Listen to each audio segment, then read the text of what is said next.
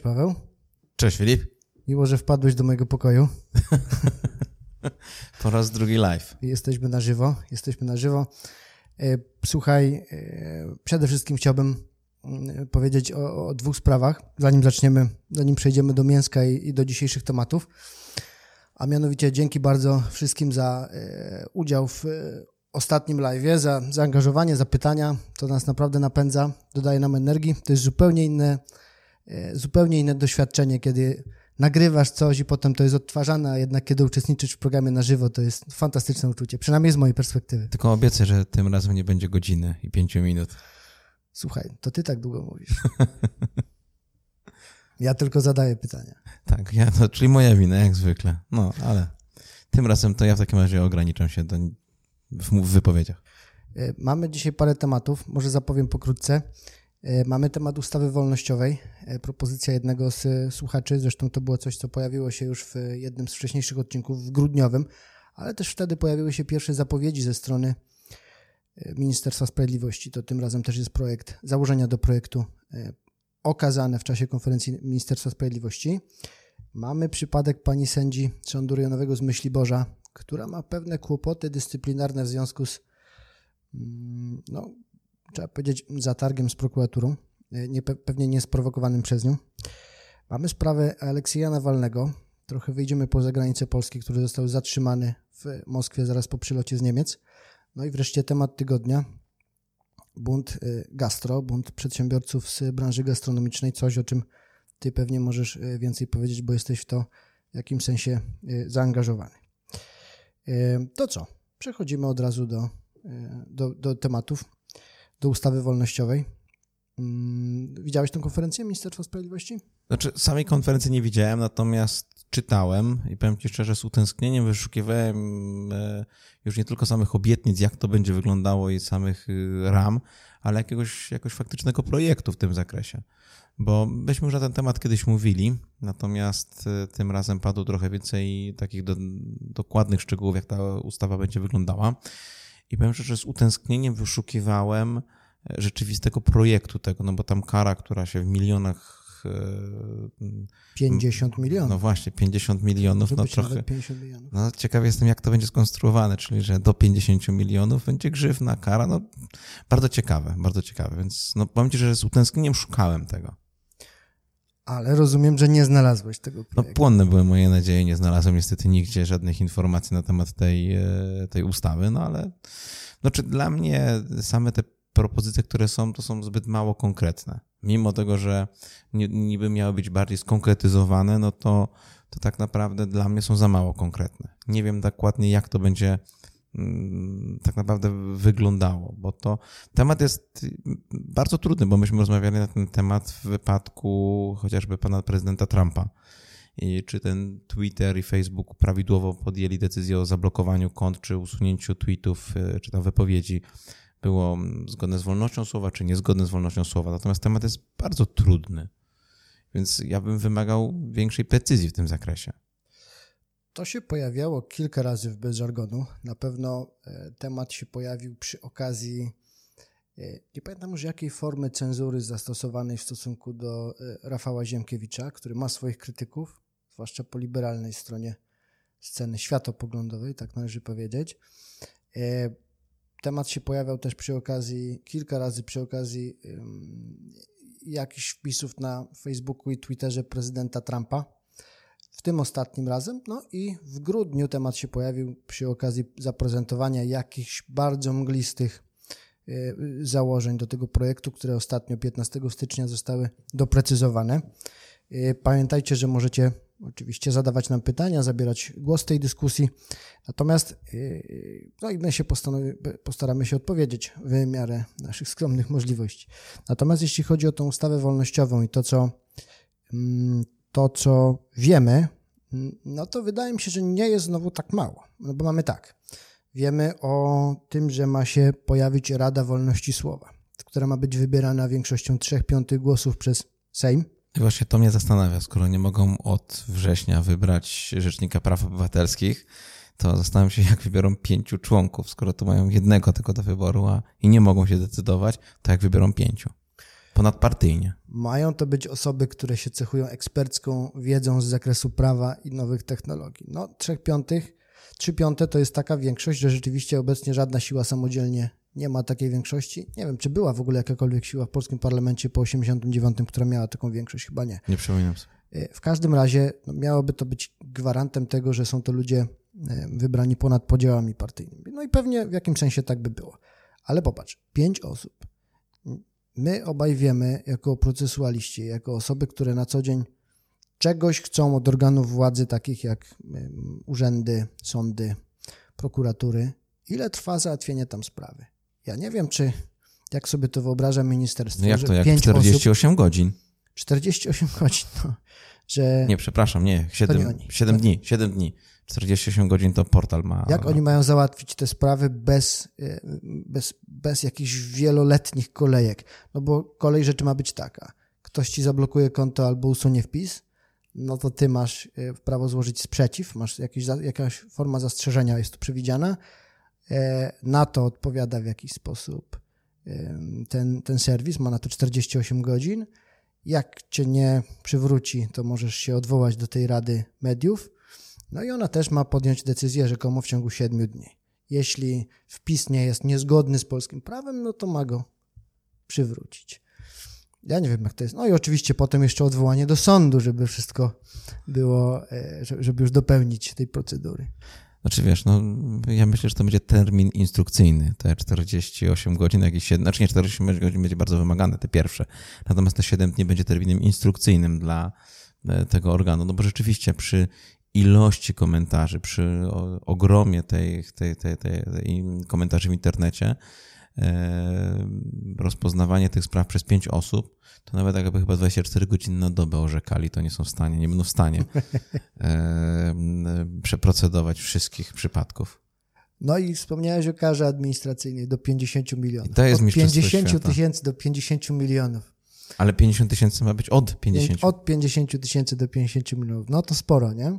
No czy wiesz, może to chodziło o reperowanie budżetu, może to, to była idea. To Rada ma nakładać e, fakultatywnie taką karę na, na serwis, który się, e, który się nie stosuje do, do tych orzeczeń. A co ty w ogóle myślisz o takiej inicjatywie? Znaczy teraz tak. No to są też portale, które są prywatnymi portalami.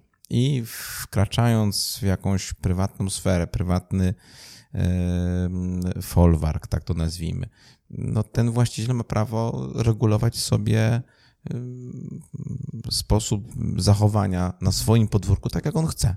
Nie uważasz? No ja na przykład chcę, żeby nie było wypowiedzi w ogóle politycznych. I wszystkie w moim serwisie polityczne komentarze będę usuwał. No, na pewno można postawić e, i nawet obronić taką tezę, że to ja stwarzam pewną platformę wypowiedzi, to ja będę ustalał reguły, jakie tam będą panować, o ile oczywiście nie popełniam w ten sposób przestępstw. Jeśli nie naruszam prawa powszechnie obowiązującego, nie wydaje mi się, żeby tutaj była podstawa do jakiejkolwiek ingerencji, bo wiesz, jaką ja mam, e, jaką ja mam obawę? Że to jest jednak uderzenie w, porządne, w, przepraszam, w bardzo potężne podmioty. Facebook, Twitter, to są wielcy gracze.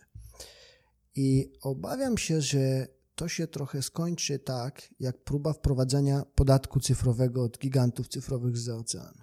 No bo też próbowano to zrobić. Tak. I to jest coś, co wydaje mi się, że trzeba byłoby robić w porozumieniu z partnerami europejskimi, bo Unia Europejska jest w miarę równorzędnym partnerem dla. No ma też inną pozycję negocjacyjną, no prawda? Właśnie, no właśnie. My sami jednak nie ważymy specjalnie dużo w relacji do gospodarki y, Stanów Zjednoczonych, ale y, Unia Europejska to już jest gigantyczny rynek i bogaty rynek. Nie wiem, czy po wyjściu y, Wielkiej Brytanii z, z, Unii wciąż największy na świecie, ale no pierwszy, drugi lub trzeci, bo tylko Chiny i Stany mogą konkurować. I nie wiem, czy pamiętasz, jak było wcześniej, czyli to Mike Pence, czyli wiceprezydent Stanów Zjednoczonych w Warszawie zapowiedział to, że nie będzie podatku cyfrowego. No bo to chodzi o to, żeby uniknąć takich sytuacji, kiedy mm, ci wielcy gracze wyprowadzają sobie za pomocą umów licencyjnych dochody do zagranicznych spółek i tutaj nie są opodatkowani za działalność, która zostaje wykonywana w Polsce. No, to by pewnie jakaś forma podatku obrotowego mogła pomóc, Ale mniejsza o to. Nie wiem, czy wiesz, ale jest już prowadzona e, taka inicjatywa na poziomie Komisji Europejskiej, nazywa się to Digital Services Act, która ma obejmować także właśnie tą kwestię. Jakąś formę uregulowania działalności gigantów technologicznych i tego, co oni mają robić z przypadkami nadużyć. No, to nie, nie tylko u nas się pojawia ten problem. Ja bym to zostawił w spokoju, e, ale tak jak mówiłem ostatnio, uregulują ich.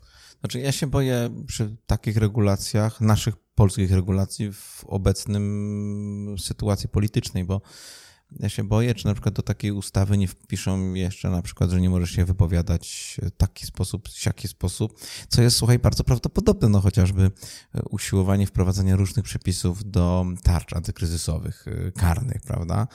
Y, chociażby na przykład, nie wiem, czy pamiętasz, przez chwilę był taki projekt aresztu domowego że prokurator będzie mógł stosować areszt domowy jednej starcz. Był taki projekt, ale się bardzo szybko z tego wycofano. Wycofano się z tego. No więc wiesz, więc ja się obawiam, że dlatego szukałem dość usilnie tego projektu, żeby zobaczyć, czy gdzieś tam w przepisie 17ZYZ nie jest wpisane, że nie wolno się wypowiadać negatywnie o pewnych ugrupowaniach politycznych.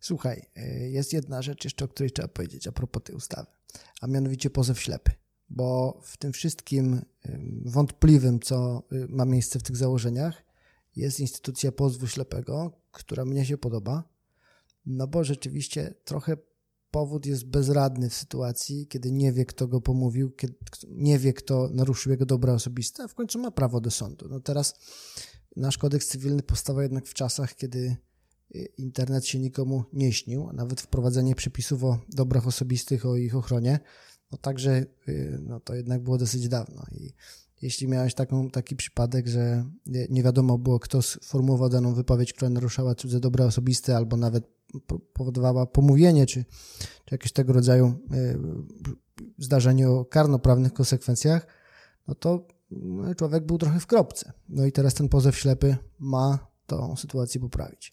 No tak, znaczy nie, to jest rzeczywiście jedna z e, ciekawszych i dla mnie takich e, nowatorskich pomysłów, które można by wprowadzić do systemu naszego prawnego. No nie ukrywam, że wiesz, no internet, ja jeszcze pamiętam 90 E, koniec lat 90., kiedy się wybierało to nowo internet, tam numer telefonu był, a kodeks powstawał w latach 60., no to nie dziwię się, że wiesz, no, nie było pewnych nowinek takich wprowadzonych. Natomiast ten pomysł pozwu ślepego, no na pewno może pomóc wielu ludziom w dochodzeniu swoich roszczeń, nie? Tam jest cztery rzeczy, które trzeba wiedzieć, przynajmniej według obecnych założeń, czyli nie musisz mieć danych pozwanego, no bo skąd masz je mieć, E, musisz tylko znać URL, czyli e, adres, pod którym padła dana wypowiedź. Najczęściej wystarczy to, co jest u, górze, u góry w pasku przeglądarki, ten adres. E, trzeba znać datę i godzinę tej wypowiedzi, no i nazwa albo jakiś login, albo nazwa profilu tej osoby, która, która sformułowała daną wypowiedź. No to już jest duże ułatwienie w porównaniu z tym, co mieliśmy do tej pory. I to już wystarczy do pozwania, a resztę już zrobią organy władzy. Ciekawe, czy będę na przykład pozwał wiewiórkę, bo taki będzie login, nie? będziesz, no tak. To może być ciekawe też. Będziesz, będziesz pozwał wiewiórkę. Dobra. Czyli co? Jedziemy dalej. Jedziemy Widzę, dalej. że nie ma pytań. Mamy dzisiaj nieśmiałych oglądających, ale miejmy nadzieję, że to się zmieni. Odwagi, odwagi. Eee, możemy pogadać o sprawie pani sędzi z Myśli Boża. To jest sąd rejonowy z relatywnie małego miasta w województwie zachodniopomorskim. E, pani sędzia e, wydaje się, że popadła w kłopoty. Jest Czy niełaskę. Niełaskę, tak, niełaskę. Chociaż wytłumaczymy może potem, co mamy przez to na myśli, ale historia jest taka, że dwukrotnie otrzymała wniosek o tymczasowe aresztowanie o mm, dosyć późnych godzinach. No i dwa razy nie chciała tego wniosku przyjąć. Tak późno. E, możliwe to było następnego dnia. Raz ten wniosek uwzględniła, czyli człowiek został tymczasowo aresztowany, a raz nie. No, ale zawiadomiony został o całej tej sprawie, czyli o, tym, o tej odmowie otwarcia sądu, żeby przyjąć wniosek. Trzeba tu podkreślić, że nie w taki sposób odmówiła, że miałoby prowadzić do zagrożenia czegokolwiek, czyli nie, to nie było tak, że minąłby jakiś termin, bo oczywiście kodeks postępowania karnego terminy przewiduje, w jakich y, można stosować areszt, o, o, w, w jakich godzinach od, od chwili zatrzymania.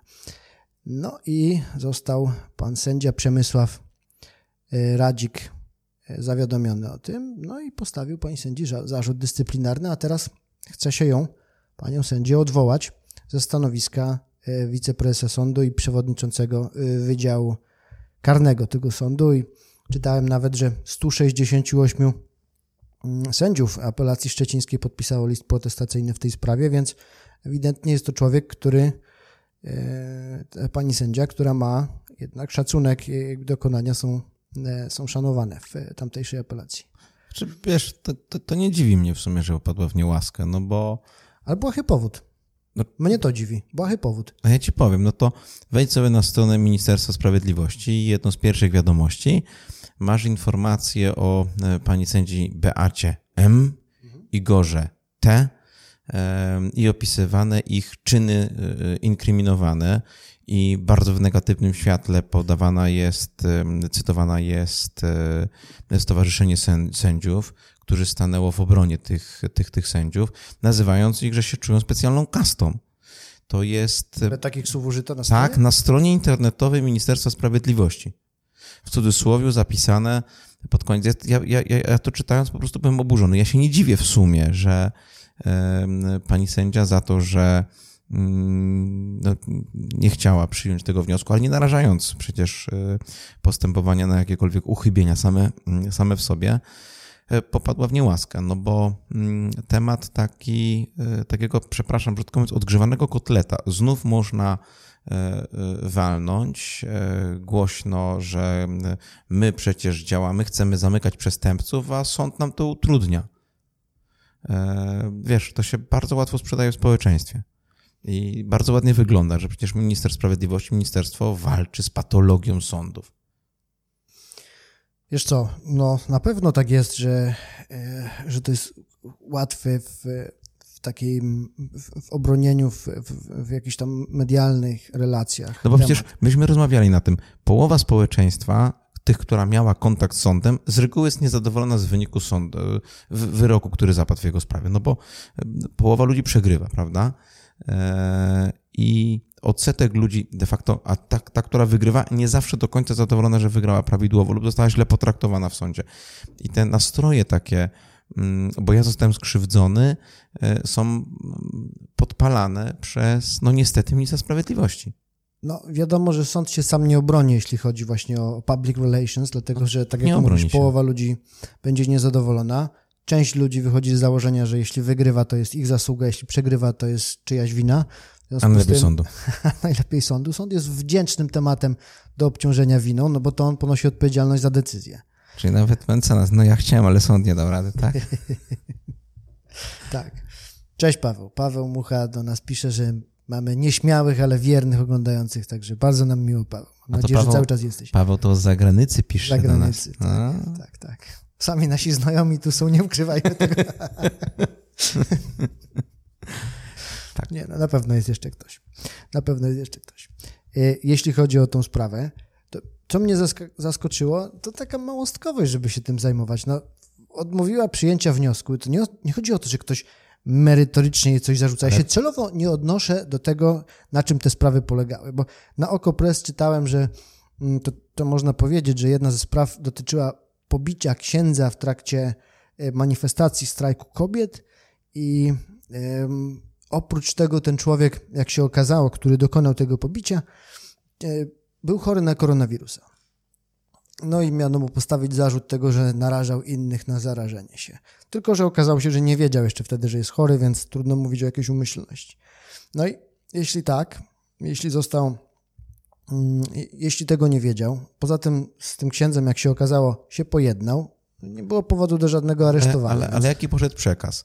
Myśmy chcieli, zbrojne ramię Temidy chciało aresztować rozbójnika, bandytę, przestępcę, a sąd wam to uniemożliwia. Jeszcze zaraźliwe choroby roznosi. I zaraźliwe choroby roznosi. Na strajku kobiet, a my kobiety tutaj chronimy na tych strajkach, przecież policja chroni.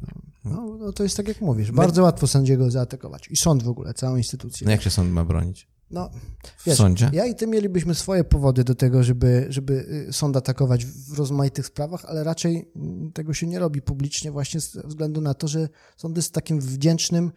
Sądowi się nie wypada wypowiedzieć w kontrze do tego, co, y, do, co pojawia się w relacjach medialnych.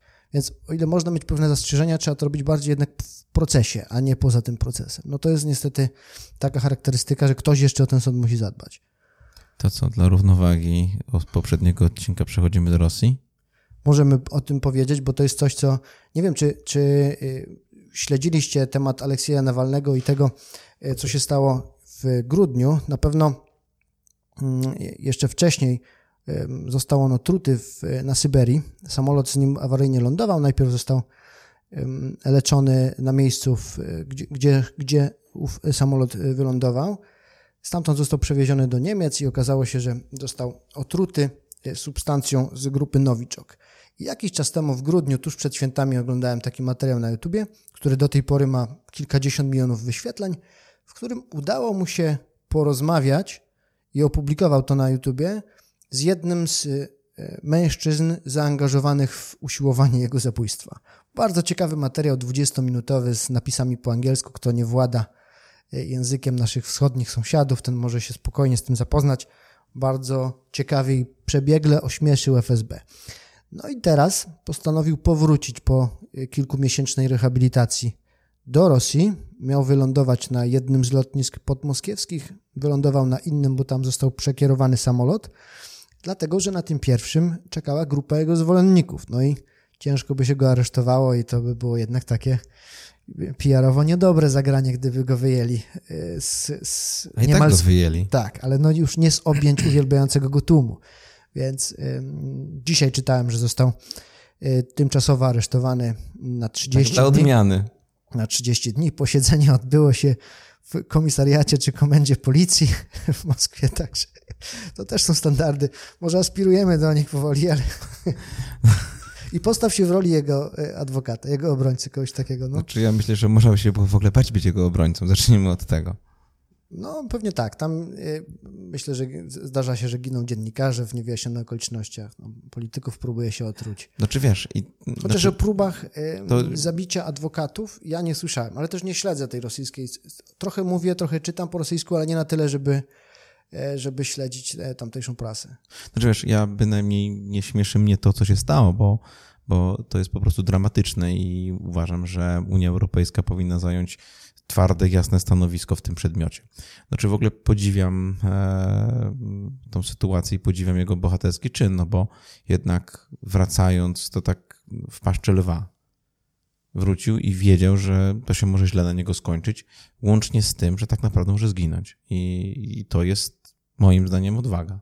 On miał wyrok w zawieszeniu. Chyba cały czas ma i skończył mu się, skończył mu się okres próby E, pewnie jest tam jakiś przepis, e, który funkcjonuje też u nas, czyli tak, że po zakończeniu okresu próby można mu odwieścić taką karę, zarządzić jej wykonanie, jeśli zrobił coś, co to uzasadnia w trakcie trwania tej, tej a, probacji. A, Więc chyba tak było właśnie, bo mu zapowiadano, że, że pójdzie siedzieć. A wiesz, dlaczego go aresztowali?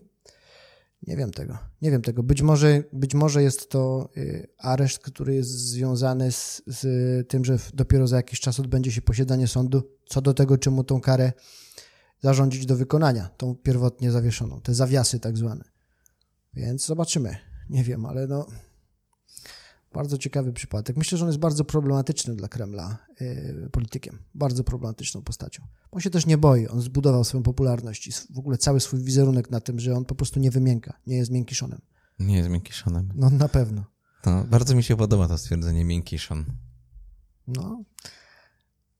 Nawalny nim nie jest. Nawalny no, nie jest. No dokładnie, dokładnie. Co tam jeszcze mamy ciekawego? Mm, myślę, że dzisiaj to y, poza tymi tematami to moglibyśmy przejść już do, do tematu głównego, no bo ustawę wolnościową mamy e, omówioną, Aleksja Nawalnego też. Wydaje mi się, że, że e, można w takiej sytuacji przejść do buntu e, branży gastronomicznej, czyli do głównego tematu dzisiejszego odcinka. Ty jesteś, tak jak powiedziałem na początku, bezpośrednio w to zaangażowany. Witamy Julię i Witka. Dobry wieczór. Cześć.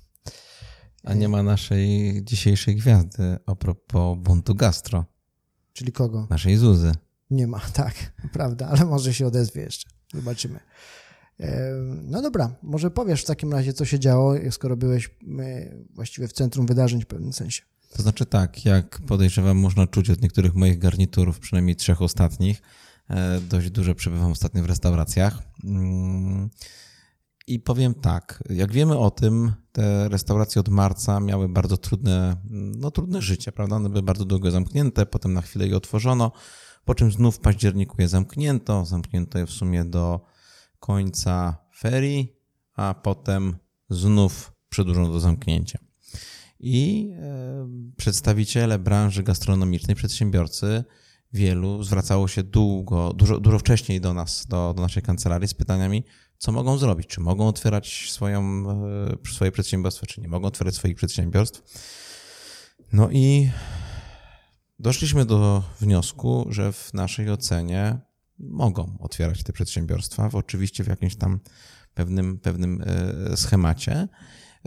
Utwierdziło nas w tej opinii chociażby wyrok Sądu Wojewódzkiego Administracyjnego z Opola, który e, uchylił karę nałożoną przez tamtejszy sanepid w stosunku do fryzjera, który otworzył swój zakład i ostrzyk tam jednego z klientów.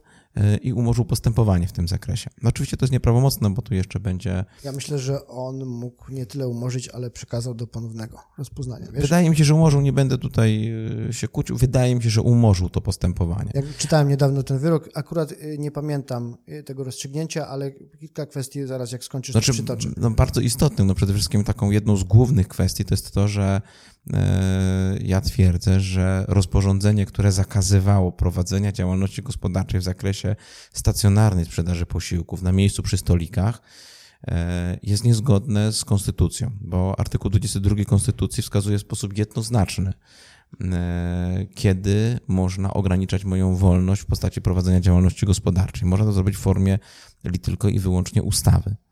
I mm, takiej ustawy nie ma bo ta ustawa o chorobach zakaźnych, na podstawie której wydawano rozporządzenie, pozwalałaby tylko i wyłącznie na ograniczenie działalności gospodarczej.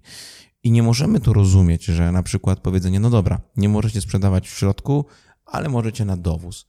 To nie jest e, ograniczenie prowadzenia działalności gospodarczej, tylko zakazali prowadzenia całego jednego działu PKD, który jest, który określacie tam formy działalności gospodarczej. I uważam, że jest to po prostu niezgodne z konstytucją. No i kilka restauracji zwróciło się do nas o pomoc. E, takiej pomocy faktycznie udzieliliśmy e, kilka razy, będąc przy interwencjach policji. Raz udało nam się nie wpuścić policji do lokalu. Wpuściliśmy oczywiście kontrolę sanepidu i nie widzieliśmy w tym zakresie problemów. Pokazaliśmy wszystko, pokazaliśmy wszystkie, wszystkie dokumenty, wskazaliśmy w jakim reżimie sanitarnym restauracja pracuje E, w drugim wypadku, no niestety, e, policjanci e, weszli na teren restauracji, ale powiem Ci szczerze, że mimo mm, początkowej napiętej atmosfery, która, która była, ale to wywołana bynajmniej nie z naszej strony, niestety, znaczy dzięki Bogu, przepraszam, niestety z drugiej strony, udało się opanować. Przeprowadziliśmy tą kontrolę, no i czekamy teraz na decyzję. Znaczy ja nie, ja, ja nie mam wątpliwości, jakie te decyzje będą, niestety. E, zostanie wszczęte postępowanie, podejrzewam, że kary zostaną nałożone. Może nie w wysokości od razu 30 tysięcy złotych, jak to jest powiedziane, natomiast no, kary będą no i będziemy dalej prowadzić batalię sądową. To może ja wrócę do tej kwestii, e, którą, o której zacząłeś, czyli do tego wyroku Wojewódzkiego Sądu Administracyjnego w Opolu. Ona dotyczyła sprawy 85-letniego fryzjera, e, który twierdził, że mm, został nakryty na tym, jak strzygł swojego znajomego i twierdził, że nie wziął za to pieniędzy, ale to akurat jest mało znaczące. W każdym razie e, e, nakryła go na tym policja, sporządziła notatkę i przesłała do sanepidu. I to było wyłączną podstawą do wymierzenia mu kary e, administracyjnej 10 tysięcy złotych.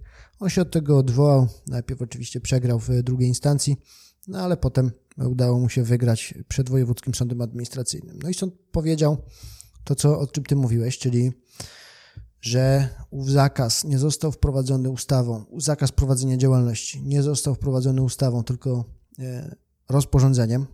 Nie wprowadzono stanu klęski żywiołowej, a to by tylko uzasadniało wprowadzenie takich zakazów. No, rozporządzeniem, e, to, to rozporządzenie wprowadza stan klęski żywiołowej, ale nie wydano takowego. W związku z tym nie było podstaw do ograniczenia między innymi prawa do prowadzenia działalności gospodarczej. Zakazania, co się stało? zakazania, bo Zak to jest klub problemu. Zakazania. zakazania. Tak, tak, zakazania.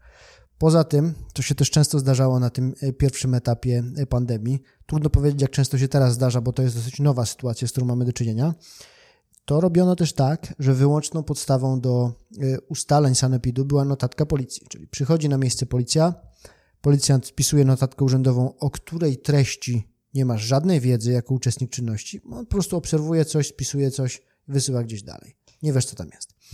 Oczywiście nie ma podstaw do twierdzenia, że tak, tak w ogóle, że tam jest nieprawda, ale może być. Poza tym nie masz żadnego prawa do czynnego udziału w postępowaniu, a jednak kodeks postępowania administracyjnego takie prawo ci daje.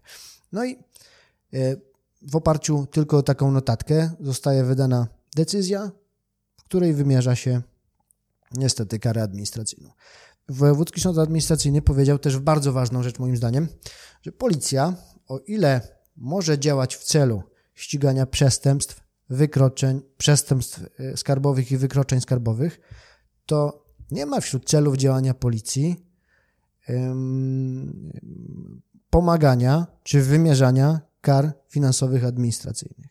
To nie jest cel działania policji. W związku z tym, gdyby policjant wszedł do lokalu albo usiłował się tam dostać i powiedział: Ja to bym chciał sprawdzić, czy tutaj wszystkie przepisy administracyjne e, są e, przestrzegane. No to właściwie sam się pozbawia możliwości podjęcia interwencji. On oczywiście, jak jest sprytniejszy, to powie, że poda jakiś, jakiś konkretny przepis z kodeksu wykroczeń i to sobie może sprawdzić bo nie masz wtedy prawa do odmówienia mu y, wejścia. Ale, ale... Dzisiaj, dzisiaj, muszę to ci wejść słowa a propos właśnie no. przepisów, podawania konkretnych przepisów.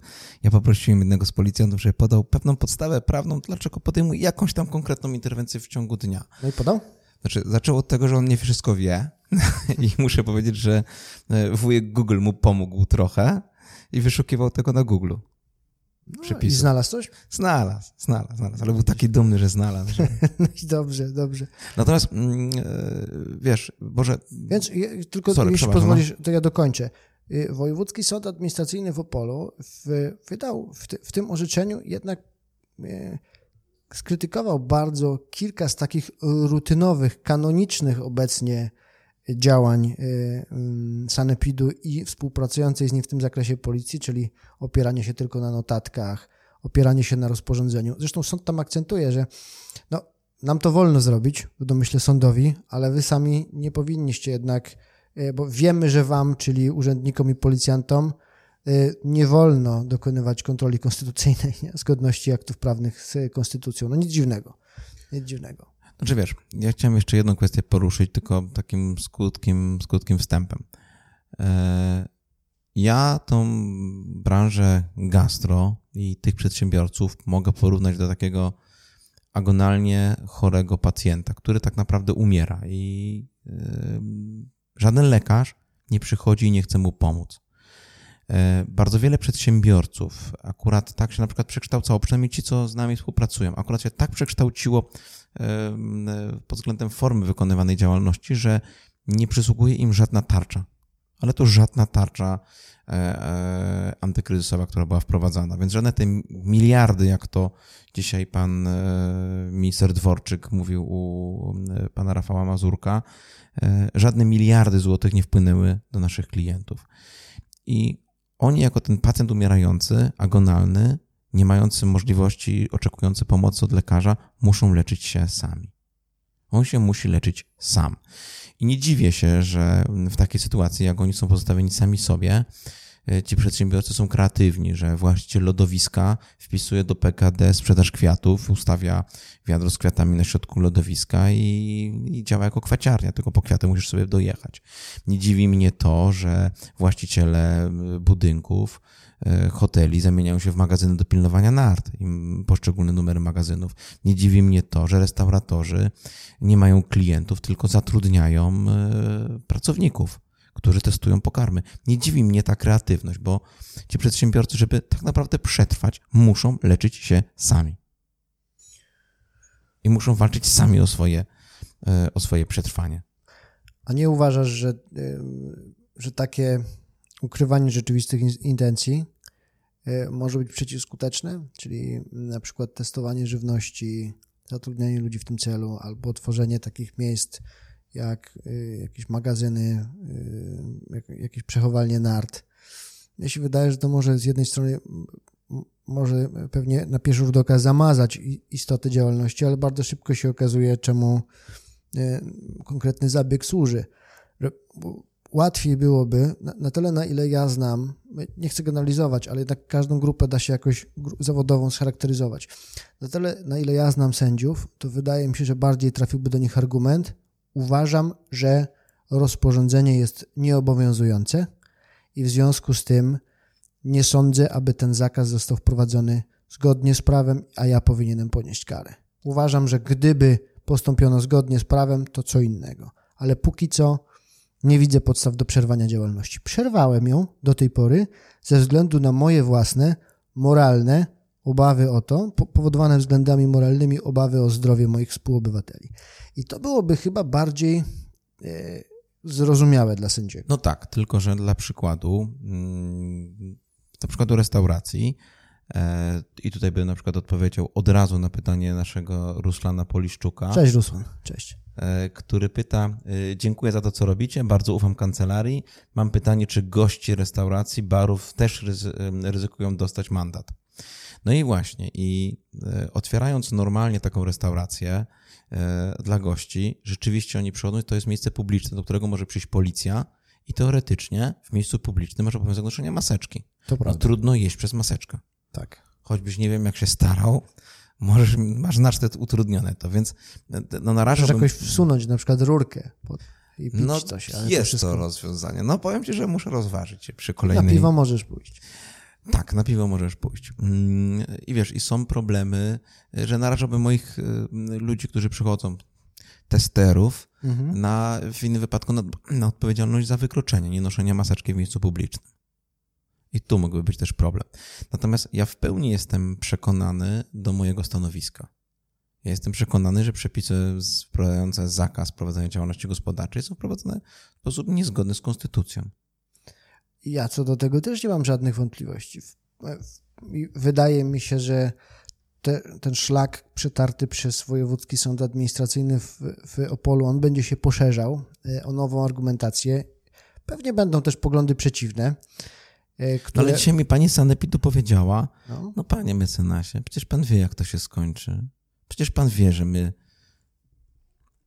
no, przegramy. Znaczy nie my, tylko Sanepid. Przecież tak. pan wie, że tak mi powiedziała. I nie ukrywam, że my się spotykamy z różnymi reakcjami, nie tylko gości, którzy, którzy y, mówią, dobrze robicie, pomożemy, starajcie się, bo nikt wam nie pomoże, ale także tych organów, które prowadzą czynności, one muszą przeprowadzić, dlatego staramy się, żeby było zawsze bardzo elegancko i kulturalnie i spokojnie, bez, bez emocji.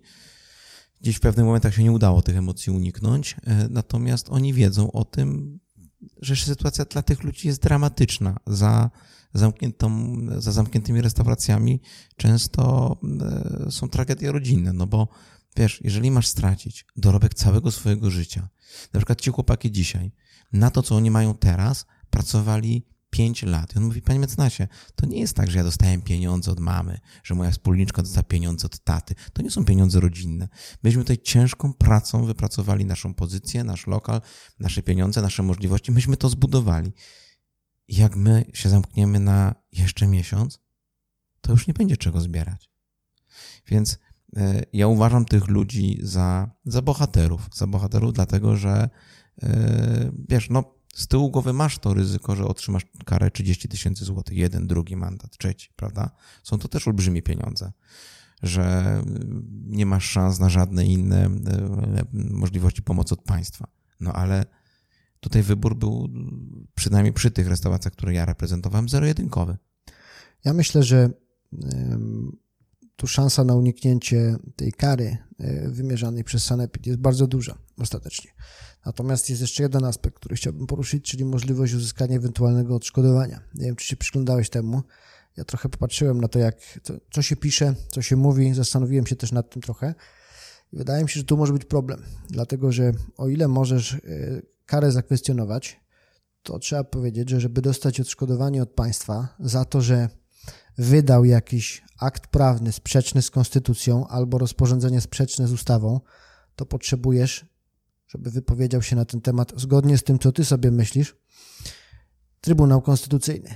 A obecny Trybunał Konstytucyjny raczej się tak nie wypowie. Czyli jeżeli jest tak, żeby się starać o odszkodowanie z tytułu wydania e, rozporządzenia, tutaj mówimy o tym rozporządzeniu, które wprowadza zakaz prowadzenia działalności, musiałby się wypowiedzieć Trybunał. On tego nie zrobi, to sąd okręgowy, zwykle sąd okręgowy w takich sytuacjach ze względu na wartość, po prostu nie przyzna ci odszkodowania.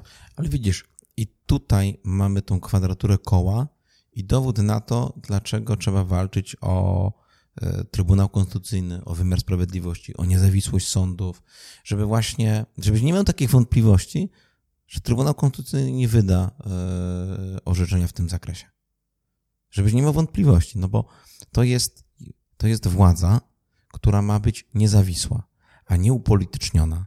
I może to jest dowód na to, dlaczego należy walczyć o odpolitycznienie yy, i sprawienie, żeby te sądy były niezawisłe. A tu jest jeszcze jeden czynnik. Nawet gdyby działał normalnie, zupełnie normalnie, to popatrz.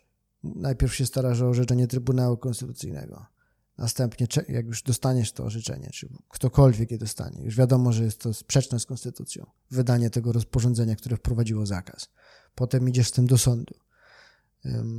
Przecież Skarb Państwa się broni. I już w 2027 wygrywasz sprawę w pierwszej instancji, a potem jeszcze apelacja.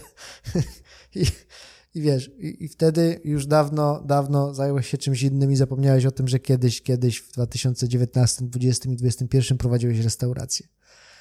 No, też jest taka Prawidłowo, jest to prawdopodobny scenariusz, nie? No jest prawdopodobny scenariusz. A myślałeś o tym, żeby to rozpatrywać w kategoriach nieposłuszeństwa obywatelskiego? To, to co robią yy, teraz przedstawiciele tej branży gastro? No na pewno jest jakaś forma nieposłuszeństwa, no bo e, patrząc na to, przepisy są, prawda? To, że my stwierdzamy, że one są niezgodne z konstytucją i działamy w ramach prawa, e, no to jest zupełnie inna bajka, prawda? Natomiast jest oczywiście jakaś forma nieposłuszeństwa. Natomiast zobacz, jakim echem ona się odbywa. Jak e, posty, które są na przykład mm, wysyłane na Facebooku właśnie z otwarciem tych restauracji, sięgają 200-300 tysięcy mm, odbiorców. E, więc zobacz, jaki jest to chodliwy temat. Zobacz, jak wiele restauracji teraz się otwiera. Teraz e, całe Podhale chce się otwierać. Tam pamiętam, że do tego weta góralskiego zgłosiło się 300 parę podmiotów, które zaznacza, że będzie chciało się otworzyć. No ale ja cały czas mówię, czym się różni sytuacja restauracji od na przykład kościołu? czym się różni sytuacja, gdzie wiesz, gdzie do kościoła ja regularnie chodzę i, widzę i obserwuję. Tam reżim sanitarny jest jeszcze niższy niż w tych restauracjach, które, które, mm, które otwieramy. My tu mamy mm, zapewnioną higienę, mamy zapewnioną dezynfekcję, mamy zapewnioną zbadanie temperatury, mamy, sprawdzamy, czy ktoś nie miał kontaktu w ogóle z osobą mm, covidową, czy nie miał, tem, czy nie miał temperatury, nie miał kaszlu i tak dalej, i tak dalej, i tak dalej. Dezynfekujemy wszystkie stoliki, a y, wchodząc ostatnio do kościoła, akurat stałem przy drzwiach, nikt się nie zdezynfekował wchodząc. Nikt nie umył rąk. No więc e... czym się różni ta sytuacja? Mamy też potwierdzone, przepraszam, jeszcze wejdę w słowo, IKEA otwarta, tłumy ludzi, e... sklepy takie duże e... pootwierane, tłumy ludzi, e... żabki pootwierane, człowiek koło człowieka przechodzi, ociera się niemalże o niego. To prawda i ja myślę, że to denerwuje ludzi, że nie ma równości wobec prawa. E, a nawet jeśli jednemu przedsiębiorcy, któremu na pierwszy rzut oka i nawet po głębszej, ale wciąż laickiej analizie, no bo nie mamy przecież e, wiedzy na temat tego, jak ten wirus się przenosi, nie, nie, nie potrafimy sobie sami skonstruować modelu takiego, który byłby w stanie e, porównać ryzyko zarażenia się poszczególnego człowieka w sklepie wielkopowierzchniowym i w restauracji na 20 osób. No, nie wiesz tego. Ale nie ma badań takich. Był, no wprowadzając ten zakaz, pamiętam, padło z publiczności od dziennikarzy pytanie do profesora, który to tłumaczył, czy są jakieś rzetelne badania w tym zakresie. I pan profesor powiedział, nie, nie ma. No, dokładnie. No, odnoszę się do tego, że ludzie, którzy to widzą i nie są przekonywani racjonalnymi argumentami, przecież to też nie jest tak, że ludzie chcą y, ryzykować Życie innych. życiem swoich klientów, albo nie tylko klientów, bo klient odnosi się do pewnej jednak y, ekonomicznej więzi, ale po prostu innych ludzi. No nie ma do tego, nie ma powodów, żeby tak myśleć, tylko że też obserwujemy aktywność ludzi w czasie pandemii od roku, rozmaite zakazy, nakazy i to, jak fluktuuje zachowanie y, państwa w, w rozmaitych ministerstwach. I w związku z tym trudno mi y, rzeczywiście powiedzieć, że akurat w restauracjach y, ten, zwłaszcza jeśli, jeśli, jeśli to nie jest miejsce otwarte do zbyt późna, gdzie, spo, gdzie spożywa się dużą ilość alkoholu. Potem może występować chęć bratania się rzeczywiście y, i, i, i tam to ryzyko jestem sobie w stanie wyobrazić, że się zwiększa. Podobnie w dyskotekach. Ok, ale w restauracjach takiej, w takiej branży barowej, czynnej trochę w, do, do, do wcześniejszych godzin. Ja tego po prostu nie widzę i myślę, że ludzie też tego nie widzą. No ale to może mieć znaczenie, jeśli sobie patrzymy na wagę tego przewinienia, jeśli by traktować to jako przewinienie, jak, o jakimś charakterze. Natomiast nie będzie to miało wpływu na y, to, czy ktoś odpowiedzialność poniesie, czy nie poniesie. E, nie wiem, czy ty wyczerpałeś odpowiedź na pytanie Rusłana, czy Y, gości restauracji y, też z, z, z, byciem gościem też wiąże się jakieś ryzyko. No tak, brak maseczki, można powiedzieć, że to jest pewne ryzyko. Znaczy tak, powiem ci tak. E, brałem udział w otwarciu fizycznie, będąc w dwóch restauracji, trzecią koordynowałem, czwartą, dwie jeszcze koordynowałem przez telefon. I w żadnym z tych wypadków e, nie została nałożona kara mandatu dla jakiegokolwiek klienta, mimo tego, że nawet zostało tutaj poruszone, czy mogą spożywać alkohol w miejscu pracy. Policjanci widzieli, żadnej kary mimo tego mm, nie, zostało, nie, została, nie została nałożona wykroczeniowa. Żadna. Mamy następne pytanie. Gwidonek, jeśli dobrze odczytuję jego nick, Pisze tak. Dobry wieczór. Dlaczego urzędnicy i policjanci tracą czas, pieniądze na kontrolę firm i, w, i wszczynanie kar administracyjnych, skoro są świadomi, że kara zostanie e, umorzona przez sąd? Nie bardzo mają inne wyjście w mojej ocenie. To znaczy, bardzo trudno byłoby, po pierwsze, działają zwykle na polecenie przełożonych, po drugie, e, nie są upoważnieni do tego, żeby dokonywać kontroli konstytucyjności pewnych norm. Jeśli już, to jednak po, Kiedyś panowało takie powszechne przekonanie, że powinien to robić Trybunał Konstytucyjny. Teraz jest więcej poglądów, które wskazują na to, że może to robić Trybunał i poszczególne sądy, bo sędziowie są związani ustawą i y, konstytucją. E, na pewno natomiast nie może tego robić poszczególny urzędnik. No, wyobraźmy sobie taką e, sytuację, że każdy urzędnik dokonuje autonomicznej wykładni konstytucji, no przecież to wprowadzi zupełny chaos, czy wykładni przepisów konstytucji i, i dokonuje sobie, porównuje sobie zgodność aktów niższego rzędu z konstytucją, więc ja bym tutaj akurat nie, nie upatrywał winy w, w tych liniowych znaczy, policjantach i urzędnikach. Ja uważam, że oni akurat nie ponoszą tutaj żadnej odpowiedzialności. Czy wiesz, muszę powiedzieć, że dzisiaj w trakcie tej interwencji w pewnym momencie zrobiło się aż niebiesko w restauracji E, bo to była bardzo, nie była jakaś wielka restauracja, natomiast nagle pojawiło się sześciu policjantów. No i ty na niebiesko. No i na niebiesko, tak, to jeszcze dodatkowo zwiększało ich liczbę. Natomiast mogę ci powiedzieć, że tych e, poza dwoma było bardzo spokojnie i elegancko. Natomiast ja rozumiem, że oni wykonują swoje czynności i muszą wykonywać swoje czynności dostali polecenie i tak naprawdę dla nich jest przepis, no, należy go stosować, prawda? Nie może go nie stosować. No, dostał wytyczne, no i musi się tych wytycznych trzymać i musi wy, wykonywać czynności. Ale zgadzasz się z tym, że to w tym sensie nie jest strata czasu policjantów i urzędników, że oni właściwie nie mają innego wyjścia? No czy wiesz co, no myślę, że tak, zgadzam się z tym, no bo nie mają innego wyjścia. No nie mogą odmówić nie, mo, nie, nie, może odmówić działania tej czynności. Oczywiście oni mogliby odmówić yy, wykonania polecenia oczywiście sprzecznego z prawem, ale ponieważ mają jakiś akt niższego rzędu, w tym przypadku rozporządzenie, do którego się stosują, no to yy, jeśli mają rozporządzenie i mają polecenie służbowe wykonania pewnych czynności, uważam, Działają? że nie mają, no, można się zwolnić, no ale to też nie wiem, czy można oczekiwać takich zachowań. No. Myślę, że nie. No tak jak jeden z, tak wydaje. jeden z prokuratorów chyba nawet miał potem postępowanie dyscyplinarne, który powiedział, że on dostał polecenie na piśmie podtrzymywania zażalenia, aresztowania jednej z y, uczestniczek strajku kobiet. No i za to miał później nieprzyjemności.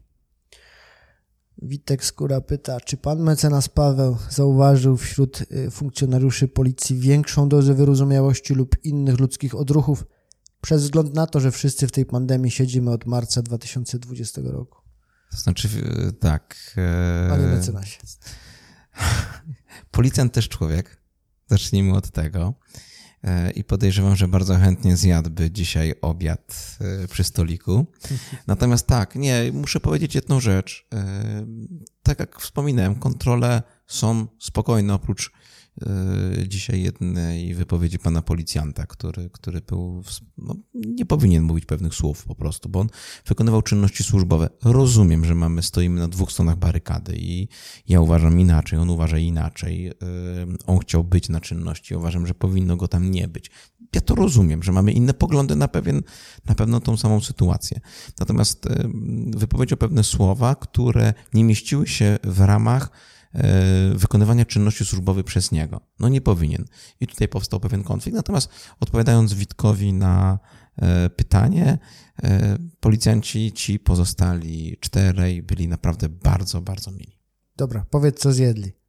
No właśnie nic nie chcieli zjeść. Nic nie chcieli zjeść. Natomiast muszę przyznać, że nasza aplikantka była dzielna? Była bardzo dzielna, dała sobie radę, choć nie, by, nie chciała wywiadu do telewizji udzielić.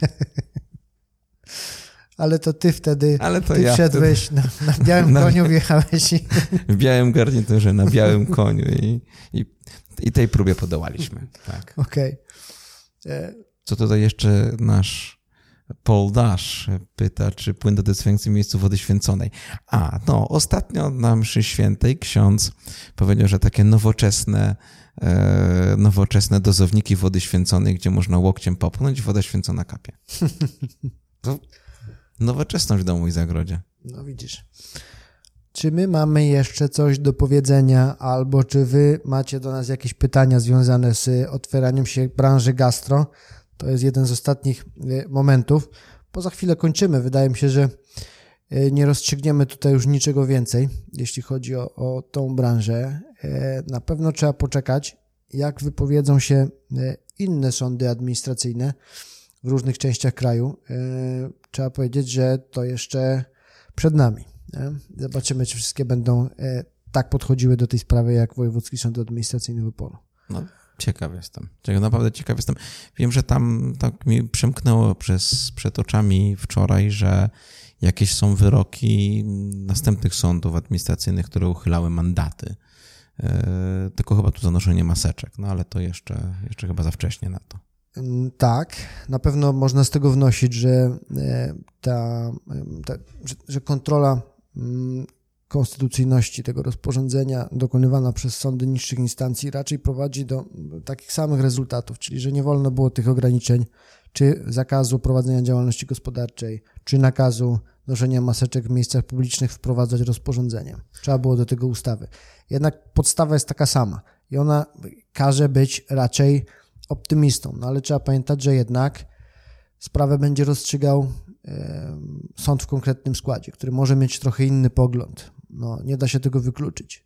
Po prostu się nie da tego wykluczyć. No, zobaczymy. No, najgorsze jest to, że teraz coraz więcej tych posiedzeń odbywa się na posiedzeniach niejawnych i tutaj jakaś forma wypowiedzi, forma, forma takiej ekspresji mm, też będzie taka, która jest związana z naszym zawodem, nie? Będzie, będzie bardzo ograniczona, co ja strasznie żałuję, bo na przykład uważam, że mm, ten głos tej branży gastro powinien być głośno, głośno, głośno e, pokazany i wypowiedziany. Natomiast na koniec taką jedną rzecz, nie wiem czy wiesz, jedną z tych restauracji, tylko nie tą, którą, w której ja uczestniczyłem w otwarciu, e, otoczył szczelny kordon policji z radiowozami. Także nikt nie mógł tam wejść. Nie wiem, czy słyszałeś o tym. Tak, nie no, wiem. zdarzyło się tak. E, tak, tak, tak się zdarzyć. Tak się zdarzyło. Czekaj, bo jest jeszcze jedno pytanie. Wybuch Amy. Nie wiem, czy dobrze czytam, ale tak. dobrze, wybuchamy. E, a na jakiej zasadzie można wprowadzić godzinę policyjną w Polsce? To znaczy, zastanawiam się, czy wybuchamy chce wprowadzić tą godzinę policyjną, e, że szukam wsparcia w tym zakresie, no ale no, to też tak jak żeśmy rozmawiali kiedyś. No wymagałoby jest, to stanu nadzwyczajnego. Wymagałoby to stanu nadzwyczajnego na obecnym systemie prawnym, na obecnej ustawie o przeciwdziałaniu chorobom zakaźnym, wprowadzenie tak daleko posuniętych obostrzeń, takich zakazów nie jest możliwe. Tak, no musiałoby to być raczej e, związane z jakimś nadzwyczajnym stanem, albo z klęską żywiołową.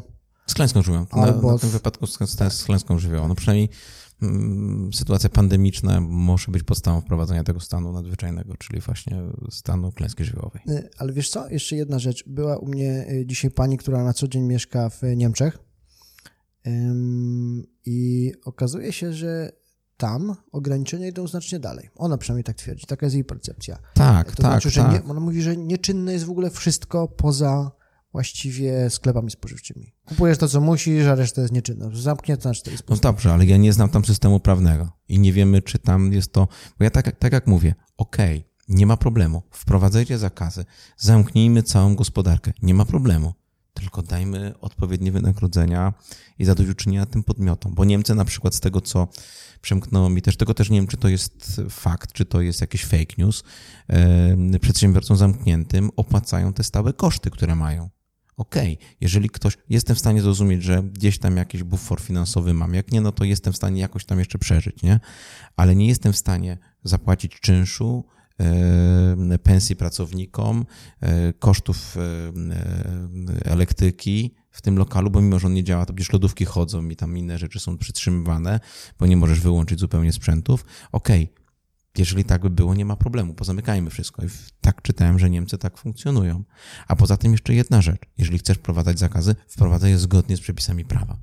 Jeżeli yy, Rzecznik Praw Obywatelskich od marca grzmi, róbmy to w formie ustawy tak, jak Pan Bóg przykazał, przepraszam, jak Konstytucja przykazała, to róbmy to tak, jak Konstytucja przykazała, a nie samowola i nie wprowadzamy stanu e, klęski żywiołowej, ponieważ e, ze względów tylko i wyłącznie, e, moim zdaniem, ekonomicznych, bo się to nie będzie opłacało rządzącym. Wiesz, no to, to już moglibyśmy zacząć ekonomiczną dyskusję. To nie są pieniądze rządzących, to musielibyśmy się wspólnie na to złożyć. No to jest szalenie, szalenie skomplikowana sytuacja. E, natomiast no to, to nie znaczy, że nie należy tego robić zgodnie z prawem, oczywiście. Więc... Uf, to trochę mi zeszło z serca, bo wybuchamy nie chce prowadzić. Wybuch nie chce. No. Dzięki Bogu. Tego znam, to jest element wywrotowy, no ale, ale nie na tyle chyba. Nie? Myślę, że nie na tyle. E, merytorycznie chyba kończymy. Nie ma dalszych pytań. E, pamiętajcie o jednej rzeczy, a mianowicie o tym, że rekrutujemy do Bez Żargonu. Chcielibyśmy stworzyć ekipę pięciu, sześciu osób, które by nam pomagały i w tych cotygodniowych programach, ale też w innych działaniach, co do których mamy pewne plany, bo zapowiada się, że niedługo powołamy fundację, która trochę będzie nam pomagała w codziennej działalności i w, i w tym, żeby, żeby to, co chcemy tu robić, miało trochę szerszy zasięg, więc zapraszam jeszcze raz z takim wspaniałym człowiekiem jak mecenas Ślis, można współpracować i można się czegoś nauczyć. I równie tak jak ja. niezastąpionym jak mecenas Filip Curyło. No dobra. Który ten bez żargonu pcha do przodu. Paweł pyta jeszcze. Coś się dzieje takiego. Paweł, cieszy mnie, że w dzisiejszych czasach ktoś wciąż uczęszcza nam mszę świętą, panie mecenasie. No dobrze. No, to to super. Dobra. To się bardzo cieszę. No to ofiara spełniona, tak? Tak, ofiara spełniona. Do zobaczenia w takim razie Dzięki. za tydzień. Do zobaczenia za tydzień. Do zobaczenia. Cześć.